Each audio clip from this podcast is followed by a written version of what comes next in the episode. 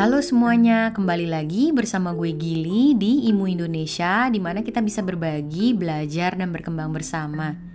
Di episode kali ini, gue kedatangan tamu spesial yaitu seorang konsultan haki yang bernama Elora Sukardi. Nah, di sini kita ngebahas banyak hal tentang hak cipta, royalti, dan juga plagiat. Nah, katanya kalau orang sembarangan memutar lagu untuk kepentingan komersil, itu bisa dikenakan denda loh, ataupun sanksi. Penasaran kan? Yuk kita langsung aja ya. tanya. 3, 2, 1. Selamat pagi Elora Sukardi. Pagi Ci. Waduh, apa kabar Elora? Baik, baik. Wah, syukur, Gimana sehat-sehat? Sehat juga, Alhamdulillah. Terima kasih banget ya udah mau jadi narsumnya Imu pagi-pagi gini. Eh ya. pagi, siang. Ya. siang. Oke. Okay. Eh Laura, ini dong mau ngobrol. Menarik banget nih setelah gue cek-cek profil lu nih. Mm. Yang tadinya ngambil musik, tiba-tiba banting setir nih ke hukum nih. Nih yang membuat lo akhirnya mutusin untuk lanjutin studi S1 sampai S2 lagi di bidang hukum apa nih kira-kira? Oke, singkat cerita sebenarnya dari awalnya gara-gara memang saya aku di S1 pun juga S1 musik itu ada belajar hukum bisnis sama hak kekayaan intelektual. Karena kan dulu uh, di musik ambilnya kan uh, lebih ke arah manajemen ya. Ah. Di bagaimana kita memanage uh, pertunjukan seni, artis, uh, marketingnya gimana, sampai itu diajarin juga tuh hukum bisnisnya gimana sih? Kita bikin agreement tuh gimana? Badan hukum tuh gimana kalau misalnya nanti kita misal contoh ya bikin label, nanti ada PT. Nah, itu diajarin semua di situ. Nah, kebetulan memang dosennya itu beliau memang lulusan hukum juga, lulusan bisnis, tapi bermusik juga. Jadi nyambung sama kita ya, uh, ngomongin tentang musiknya. Jadi, wah, aku tuh sedikit terinspirasi tuh hmm. dari beliau gitu. Oh, ternyata memang musik tuh sesuatu yang berharga yang dilindungi oleh hukum juga dan case yang terjadi di lapangan banyak banget nih orang-orang musik tuh yang mungkin ya belum memahami mengenai kontrak. Kalau dikasih hmm. kontrak hmm. bilangnya lu kaku banget sih. Harus dikasih kontrak gitu kan. Padahal itu sesuatu yang penting baik kita sebagai guru kah, player kah. Nah, terus haki juga kan kita sebagai pencipta, komposer, uh, bahkan arranger gitu. Uh, ternyata itu dilindungi oleh uh, hukum loh. Nah, terus lanjut lagi ambil mata kuliah kedua itu adalah hak kekayaan intelektual. Kebetulan juga dosennya uh, pernah bermusik sih. Dan uh, sering mem, bukan sering ya jadi kenal sama beberapa orang-orang yang ada di industri musik. Jadi kayak sering kasih konsultasi juga sering bantu gitu. Jadi sama ngomongnya nyambung gitu. Dia bisa uh, beliau bisa memberikan inspirasi juga bahwa musik ini uh, hukum musik itu penting banget dan karena dilindungi oleh hukum gitu. Jadi jangan sembarangan pakai musik orang. Musik kita pun juga jangan ya jangan dibuang-buang karena banyak banget yang ya udah yang penting dapat duit terserah deh musik gue mau diapain di depan di luar sana.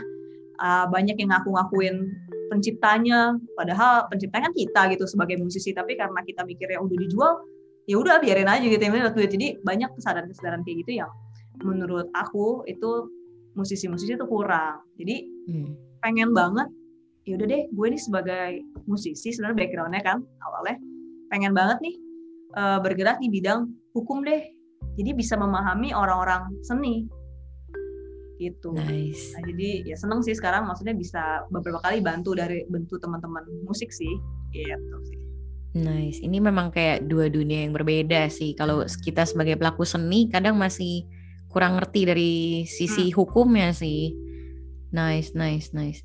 Ini kalau yang lebih menarik lagi kalau dilihat dari profil lu nih, lu nih uh, disebut sebagai seorang intellectual property consultant ya. Boleh cerita iya. sedikit nih sama teman-teman IMU di sini sebenarnya siapa aja yang bisa gunain jasa lu dan sebenarnya pekerjaan lu sehari-hari itu gimana sih? Jadi uh, intellectual property consultant itu kan uh, konsultan hak kekayaan intelektual gitu. Jadi memang saat lulus uh, S1 waktu itu boleh ikut trainingnya sebagai uh, training konsultan haki gitu, peserta training konsultan haki. Nah, tahun 2015 aku tuh ikut Terus habis itu lulus ujian, ada trainingnya dua, sekitar tiga bulan ya, tiga bulan lalu ujian itu habis itu disumpah gitu. Nah uh, jadi apa sih yang kita lakukan gitu sebagai konsultan hakim? Yang pasti kita memberikan uh, pemahaman ya mengenai haki ke masyarakat. Uh, buat teman-teman yang mungkin mau melakukan pendaftaran hak kekayaan intelektual itu biasanya nanya-nanya ke konsultan haki. Uh, biasanya paten, merek itu kan uh, butuh banget konsultan haki. Uh, apalagi paten karena nanti ada drafting patennya segala macam itu biasanya bang, biasa butuh banget konsultan haki. Nah, jadi kita memberikan konsultasi terkait itu dan kita bantu prosesnya ya, uh, biasanya sampai keluar sertifikat. Nah, di uh, apa di timeline saat kita tunggu sampai sertifikat keluar, terkadang kan mungkin ada aja penolakan, sanggahan. Nah, itu biasanya konsultan haki juga akan membantu, misalnya memberikan uh, jawaban gitu ya, menuliskan surat jawabannya, memberikan klarifikasi mengenai uh, proses pendaftaran tersebut gitu. Dan ya uh, so far aku sendiri sih sering membantu merek hak cipta karena kebetulan aku juga lulusan musik. Jadi banyak banget musisi musisi-musisi itu yang suka konsultasi ke aku sih. Dan ya aku berusaha untuk membantu mereka supaya uh, memahami hak kekayaan intelektual khususnya hak cipta ya di bidang musiknya itu sendiri sih gitu ya lebih ke bidang musik ya berarti ya? Di uh, bidang uh, musik gitu. Sama merek karena merek banyak ya. Maksudnya banyak uh, ininya uh, pendaftarannya gitu dibanding yang lain. Gitu jadi ya beberapa kali membantu klien merek juga sih gitu. Ya sama merek dalam arti masih hubungan sama records atau gimana nih? Mereknya sih bebas sih uh, aku ah. bebas jadi apa pun kayak kemarin ada restoran oh. jadi nggak berkaitan dengan sekolah musik itu nggak uh, jadi ada restoran macam-macam kemarin juga pernah dapat seperti alat-alat bengkel itu juga pernah kayak gitu. Jadi uh. untuk merek lebih general sih, nggak harus ke musiknya. Tapi di hmm. hak cipta pun kadang aku juga suka bantu uh, teman-teman dari desain juga sih. Jadi dari seni lain bisa teman-teman desain gimana nih? Kita punya desain ini, kita punya desain itu gitu kan. Termasuk ya di desain industri juga produknya seperti apa itu juga ada gitu. Hmm, menarik banget ya benar-benar berbeda gitu dari dunia musik gitu. Iya, cuman ya karena nyambung ya jadi hmm. seru sih mempelajari itu hmm, nice, tahu nice, jadinya kasus-kasus nice. uh, kalau ngobrol kan sama musisi-musisi tahu jadinya mereka tuh oh sebenarnya di industri apa sih yang terjadi gitu kan di hmm. seru oke okay, oke okay. Jadi misalnya kalau seorang musisi mau mendaftarkan hak cipta nih atas sebuah karyanya nih harus ke mana dan sebuah karya musik tuh bisa dibilang plagiat tuh gimana nih? Oh, Oke, okay. hmm. plagiarism ya. Pertama saya aku uh, ini dulu ya jawab yang uh, bagaimana melakukan pendaftaran. Mungkin ya. uh, kata-kata di hak cipta itu sebenarnya bukan pendaftaran tapi pencatatan. Jadi pencatatan hak cipta di uh, Direktorat Jenderal Kekayaan Intelektual.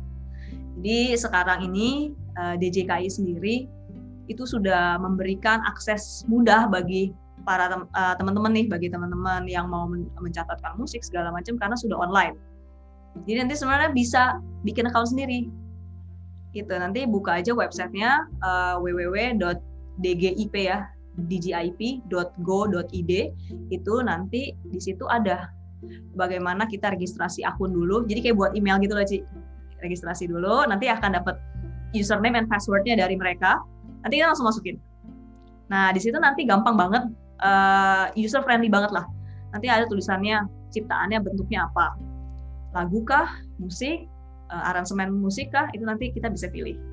Nah, nanti detailnya, judul lagunya apa, tentang apa, kapan tanggal pertama kali dipublikasikan, itu nanti ditulis di situ semua. Udah, habis itu nanti kita cuma submit-submit dokumen aja yang diperlukan. Misalnya kalau kita orang pribadi ya berarti butuh KTP gitu. Kita uh, kita upload di situ dan beberapa surat pernyataannya pun nanti kita tinggal lengkapi aja. Uh, udah setelah itu nanti akan mendapatkan kode billing, silahkan dibayar, langsung deh uh, nanti keluar uh, nomor filingnya. Nanti kita tinggal tunggu aja sertifikatnya akan keluar juga di situ. Kita tinggal download. Jadi udah mudah banget nanti tinggal buka aja websitenya kurang lebih mirip bayar perpajakan per bulanan ya? Ya kayak gitu. Hmm. Jadi gampang banget, udah nggak perlu repot-repot. Kalau dulu kan harus ngantri, ya kan, bawa berkas abrek-abrek, nggak. Sekarang udah online. Nanti juga siapin aja, misal lagunya apa, bentuknya partitur misalnya. Berarti nanti kita PDF kan aja, kita upload di situ. Ah, nice. Gitu. Informasinya lengkap juga uh, di website DJKI, jadi bisa dicek semua di situ. Hmm, oke, Gitu. oke. Nah, kalau tadi apa plagiarism? Heeh, heeh. Boleh Menarik sih, ceritain Ci. sedikit? Heeh. Kalau plagiarism kebetulan aku dulu S1 musik aku skripsinya tentang music plagiarism.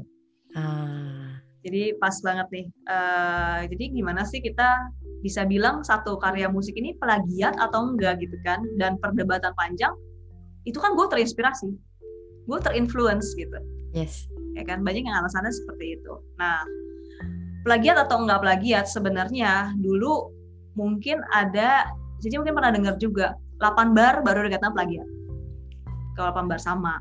Nah, Hmm. tapi kalau aku balikin lagi, kita sebagai orang musik ya, 8 bar itu kita udah tahu banget lagu apa sih, ya nggak sih? Nggak usah Yes. 8 bar, 3 bar aja kita bisa mengenal itu sebenarnya lagu apa.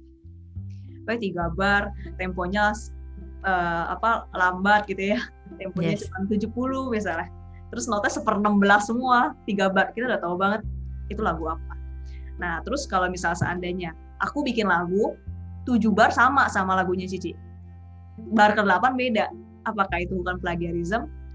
Nah, jadi Gimana kan tuh? karena kita mikir 8, 8 bar, oh yaudah berarti 8 bar, 7 bar kita sama nggak apa-apa dong. Padahal itu sebenarnya bisa dikategorikan sebagai plagiarism juga dong. Toh 7 bar kita udah bisa mendeteksi lagu itu mirip sama siapa gitu. Nah, jadi eh, sekarang sih untuk masalah plagiarism atau enggak, 8 bar itu bukan menjadi suatu patokan yang pasti banget. Karena itu kasus yang tadi aku bilang bahwa kalau saya sama 7 bar persis, bar ke-8 beda, bebas dong dari plagiarism. Ternyata enggak. Itu bisa juga dikategorikan sebagai plagiarism saat kita tahu eh, kita benar-benar bisa eh, kalau di musik tuh ada yang namanya kayak form analysis gitu ya, Ci. Yes. Jadi kita lihat partitur A dan partitur B yang dianggap plagiat, itu kita lihat ada nggak kesamaan di situ dari segi melodinya, ya kan, ritmenya. Kita bisa lihat dari situ bahwa kalau misalnya eh, itu sama persis, bunyinya juga eh, melodinya kita bisa langsung nangkap ini lagu siapa, sesuatu yang substansi, itu bisa dikategorikan sebagai plagiat Ah, gitu. Jadi aku dulu pernah baca satu uh, jurnal ya. Jadi mau ngambil berapa bagian seke- uh, sekecil apa pun kita ambil bagian itu, tapi kalau ternyata yang kita ambil adalah bagian yang uh, substansi dan juga pas kita dengar lagu itu ternyata mirip dengan lagu orang lain, itu bisa saja dikategorikan plagiarism. Nah, nanti dibuktikannya di mana ya biasanya kita bisa buktikan di pengadilan kan. Kalau terjadi sengketa, kita minta ahli-ahlinya. Artinya ahlinya bukan orang hukum aja nih, tapi ahlinya ya kayak Cici, orang-orang musik yang mungkin memahami eh, masalah musikologi gitu ya, terus eh, masalah eh, komposisi musik eh, dan teori-teori musik lainnya gitu. Kita butuh orang-orang musik sebenarnya untuk mendeteksi, membantu mendeteksi ya, ini lagu tuh plagiat apa enggak sih gitu. Jadi kurang lebih nice. kalau ngomong plagiarism kayak gitu sih. Jadi sedikit apa pun itu kalau kita ngambil ternyata pas kita dengar itu adalah sama dan itu sesuatu yang substansi bisa dikategorikan sebagai plagiarism. Ah. Kalau gitu, ini sedikit sedikit agak keluar dari konteks. Eh, lagu Maroon 5 Mm-mm. yang judulnya aku lupa tuh, yang kurang lebih mirip kayak Canon Indie itu. Oh, ah, ah, iya iya. Heeh. Itu kalau kayak gitu gimana tuh? Kalau lebih mirip mirip Canon Indie. Nah, Mm-mm.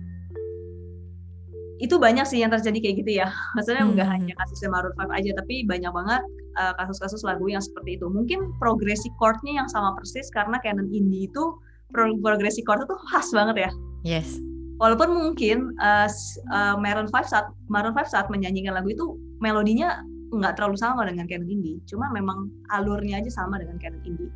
Nah, uh, apakah itu sesuatu yang salah atau enggak? Nah, kita lihat uh, Canon Indie itu kan komposernya sebenarnya sudah meninggal lama ya, Cici. Ya. Udah lebih dari 100 tahun mungkin ya.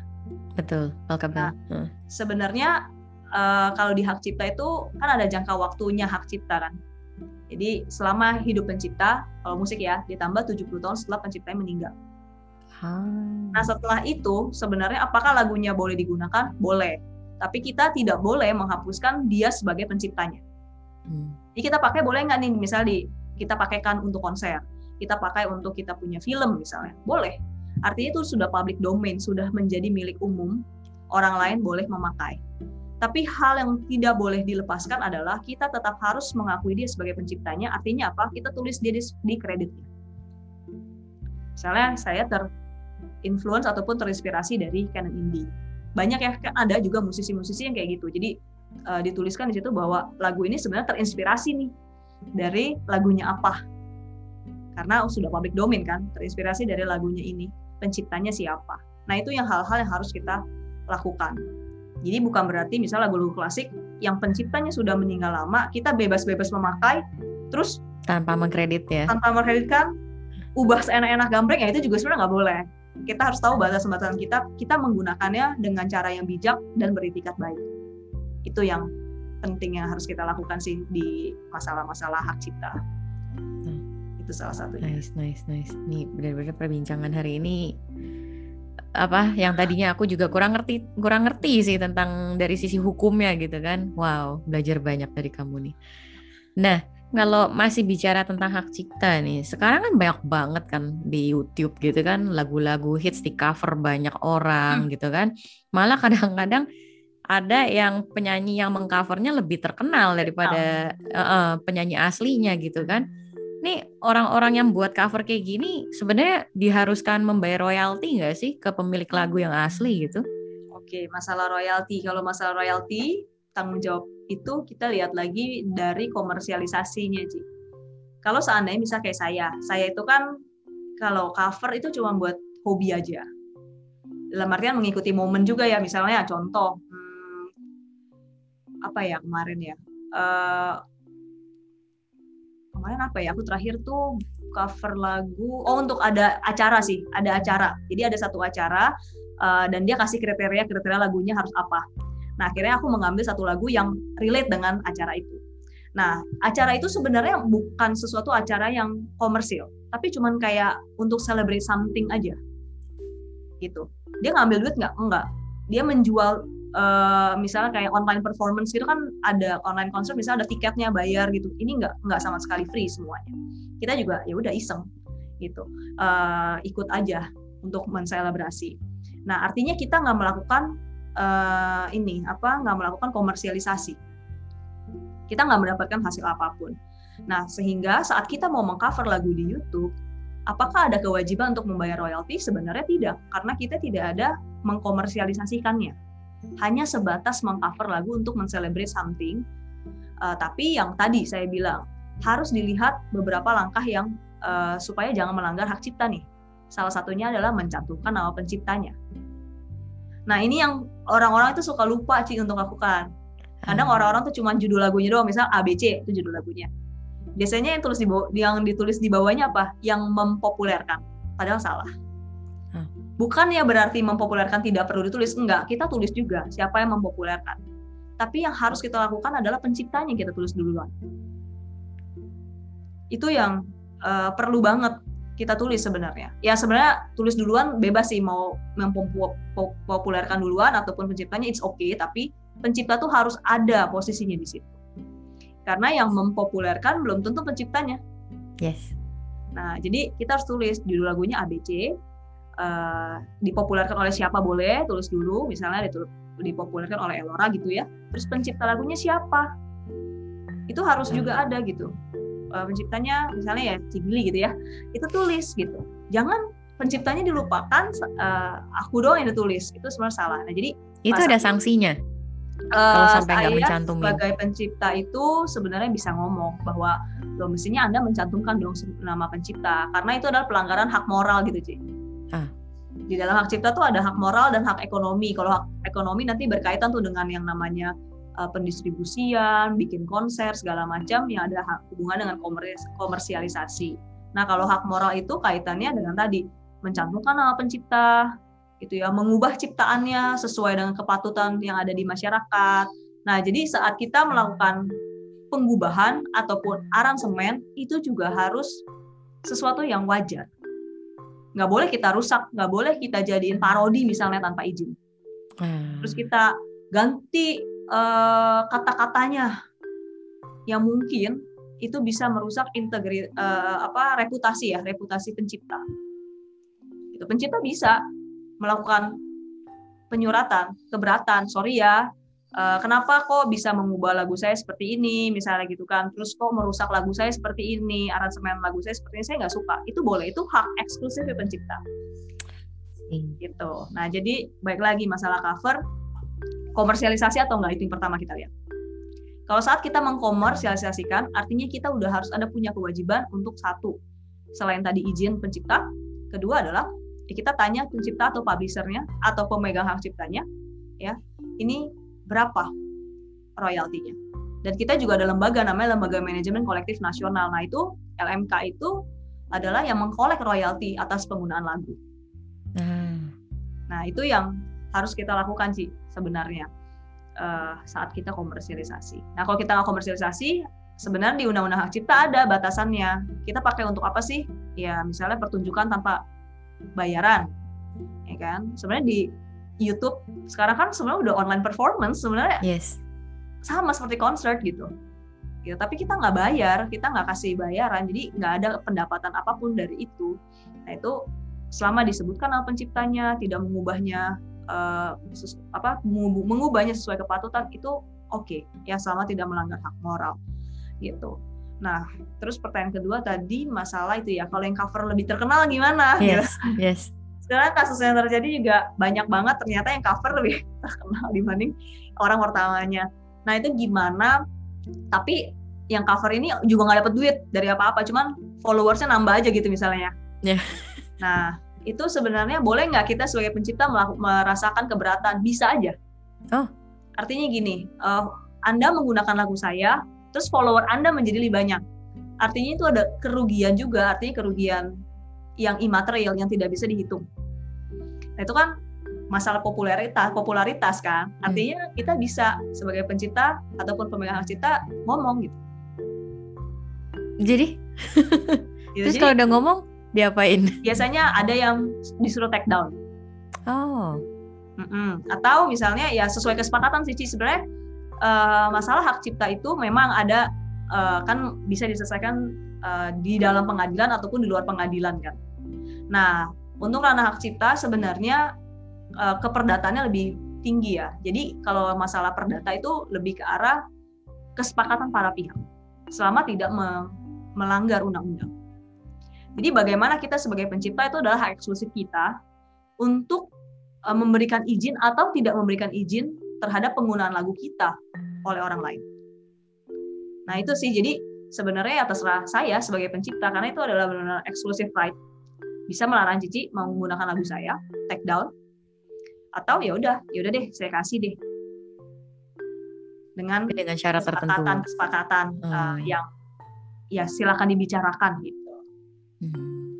Gitu. Masalah royalti juga sebenarnya kesepakatan. Jadi kalau misalnya ada orang nanya apakah royaltinya itu ada angka yang pasti, sebenarnya kalau boleh jujur ya, beberapa kali aku bikin konser, uh, waktu itu juga pernah ngobrol sama Kania juga, karena kan beliau lebih expert ya maksudnya memang uh, ngurusin trust ini lebih lebih uh, lebih ini lebih lebih banyak ngurusinnya gitu.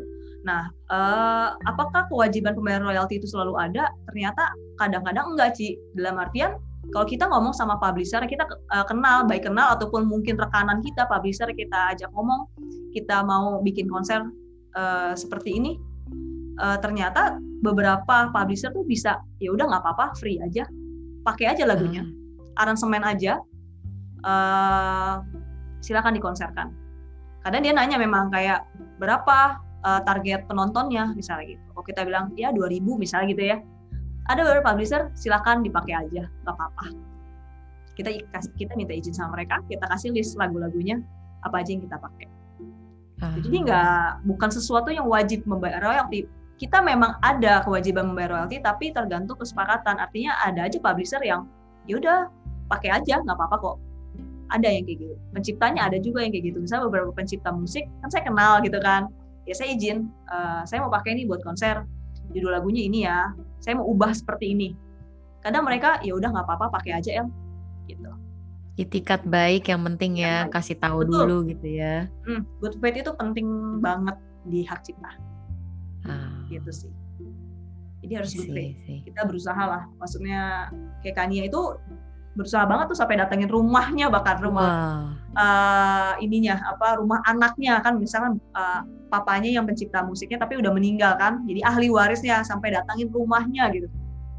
Yang penting ketemu dikasih ya udah gitu. Hmm. udah mengantongi izin istilahnya gitu.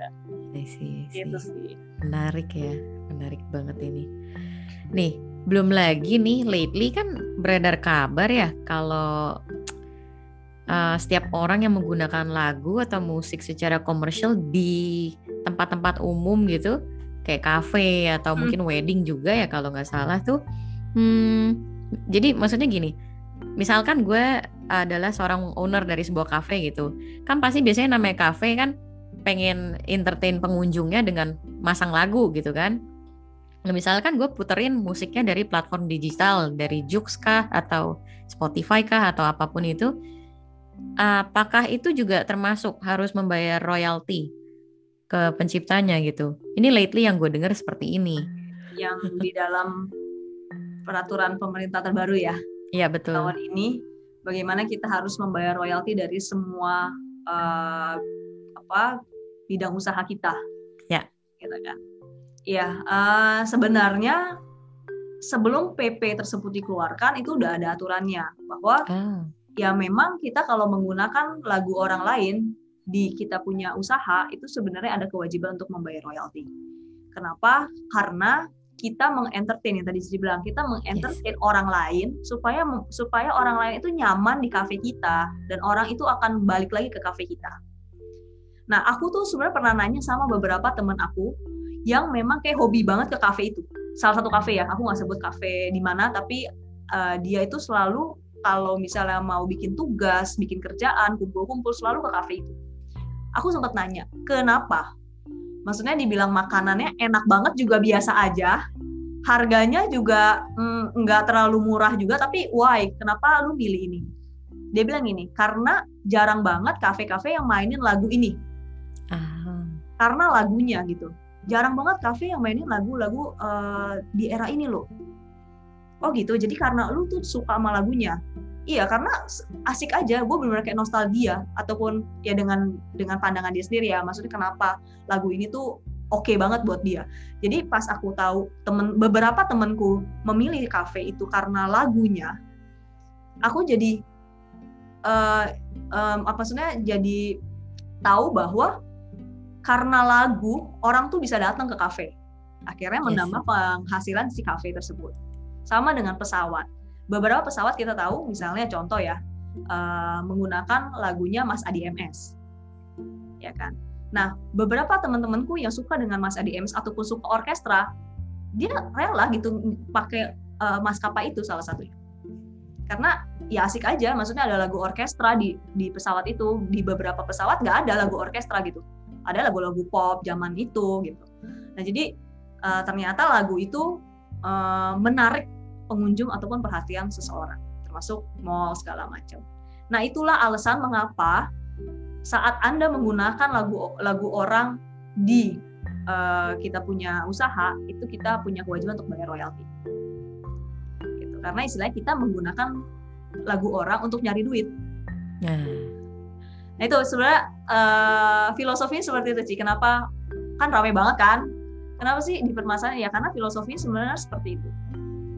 Kita menggunakan lagu orang untuk mencari uang. Tapi memang ada orang yang bilang gini, ya sebagai musisi bukannya lu beruntung. Kan marketing secara tidak langsung sebenarnya kan gitu. Mm-hmm. Sebenarnya itu hanya pandangan aja sih, point of view aja sih kalau menurut aku. Eh, nggak uh, ada point of view yang salah. Maksud dalam artian ya kita sebagai musisi ya senang juga sih dimainin sama mall seterkenal itu mallnya masa mall di Jakarta yang besar dimainin. Iya tapi ada point of view lainnya juga di mana ya berarti mall itu pun juga menggunakan lagu orang untuk usahanya. Gitu. Nah jadi uh, itulah filosofinya kenapa harus bayar royalti. Nah terus tadi pertanyaan selanjutnya gimana kalau kita pakai misal contoh kita ambil agregator Spotify? Jadi sebenarnya kalau aku pernah baca uh, term and regulationsnya Spotify juga, Spotify pernah ngomong sih bahwa lagu yang kita beli itu buat penggunaan pribadi. Oke. Okay. Jadi saat kita gunakan itu untuk kepentingan di luar pribadi, artinya untuk kafe kita, itu sebenarnya udah beda lagi. karena bukan urusan pribadi lagi tapi urusan usaha di mana kita juga harus perhitungannya berbeda hmm. gitu nah yang tadi aku sebut ada satu lembaga itu adalah lembaga manajemen kolektif. Nah itu adalah lembaga-lembaga yang uh, mempunyai wewenang untuk menarik royalti atas penggunaan lagu tersebut. Baik di karaoke di pesawat di kafe di mall segala macam. Gitu. Ah berarti ini teman-teman imu di sini kalau mereka yang punya mereka yang adalah business owner hmm. dari segi musik harus tetap dikonsultasi ini ya iya konsultasikan. Gimana penggunaannya hmm. supaya nggak salah. Itu sih. Sih. Berarti wow menarik banget ya. Jadi ini maksudnya udah dikonsultasiin playlistnya mereka. Mungkin dari beberapa musisi harus didaftarin juga gitu maksudnya ke lembaga yang kolektif tadi? Iya nanti di, uh, di undang-undang hak cipta tuh ada tuh. Jadi uh, eh, LMK itu bisa mengkolek kalau seandainya memang uh, istilahnya uh, penciptanya memberikan kuasa ke ke mereka pemegang uh, pemegang hak ciptanya atau penciptanya memberikan kuasa supaya LMK lah yang mengkolek gitu. Nah, jadi sebenarnya LMK itu uh, eh, LMKN ya, jadi Lembaga Manajemen Kolektif Nasional itu sebenarnya uh, satu lembaga yang di bawahnya ada LMK LMK lagi. Nah, LMK LMK itu terbagi kan, bisa ada yang buat dangdut lah, gitu. Ada yang buat lagu lagu tertentu lah gitu. Jadi mereka itu uh, bersinergi lah istilahnya gitu di bawah Lembaga Manajemen Kolektif Nasional itu yang diamanatkan Undang-Undang Hak Cipta. Gitu oke oke oke, menarik banget sih ini belajar banyak banget nih hari ini. oke, Elora, ini kamu ada wejangan nggak buat teman-teman imu di sini? Misalkan kalau mereka juga pengen, wah pengen belajar juga nih kayak si Elora nih jadi intellectual property consultant, gimana nih kira-kira? Uh, pesan aku sih buat teman-teman yang mungkin tertarik, ya belajar aja. Uh, sebenarnya waktu aku ngambil S1 musik terus ke S1 hukum ke S2 hukum banyak yang ngomong kayak ngapain sih lu buang-buang waktu aja lu menyesal ya masuk musik gitu. Ada yang bilang kayak gitu lu menyesal ya masuk musik terus kayak harus sekarang harus ke S1 hukum S2 hukum. Nggak ada yang menyesal aku bilang. Maksudnya kayak belajar tuh nggak ada sesuatu yang kita sesali ya. Yes. uh, semuanya udah ya rencana yang terbaik lah dari Tuhan pun ke kita gitu ya atas hidup kita. Jadi ya kalau memang teman-teman misalnya dari musik terus hobi juga ke hukum ya semangat aja untuk mempelajari. Karena menurut saya ilmu tuh nggak ada yang sia-sia gitu kayak misalnya aku dari musik ke hukum itu benar nggak ada yang sia-sia. Aku pun jadi sekarang lebih mengerti teman-teman musik.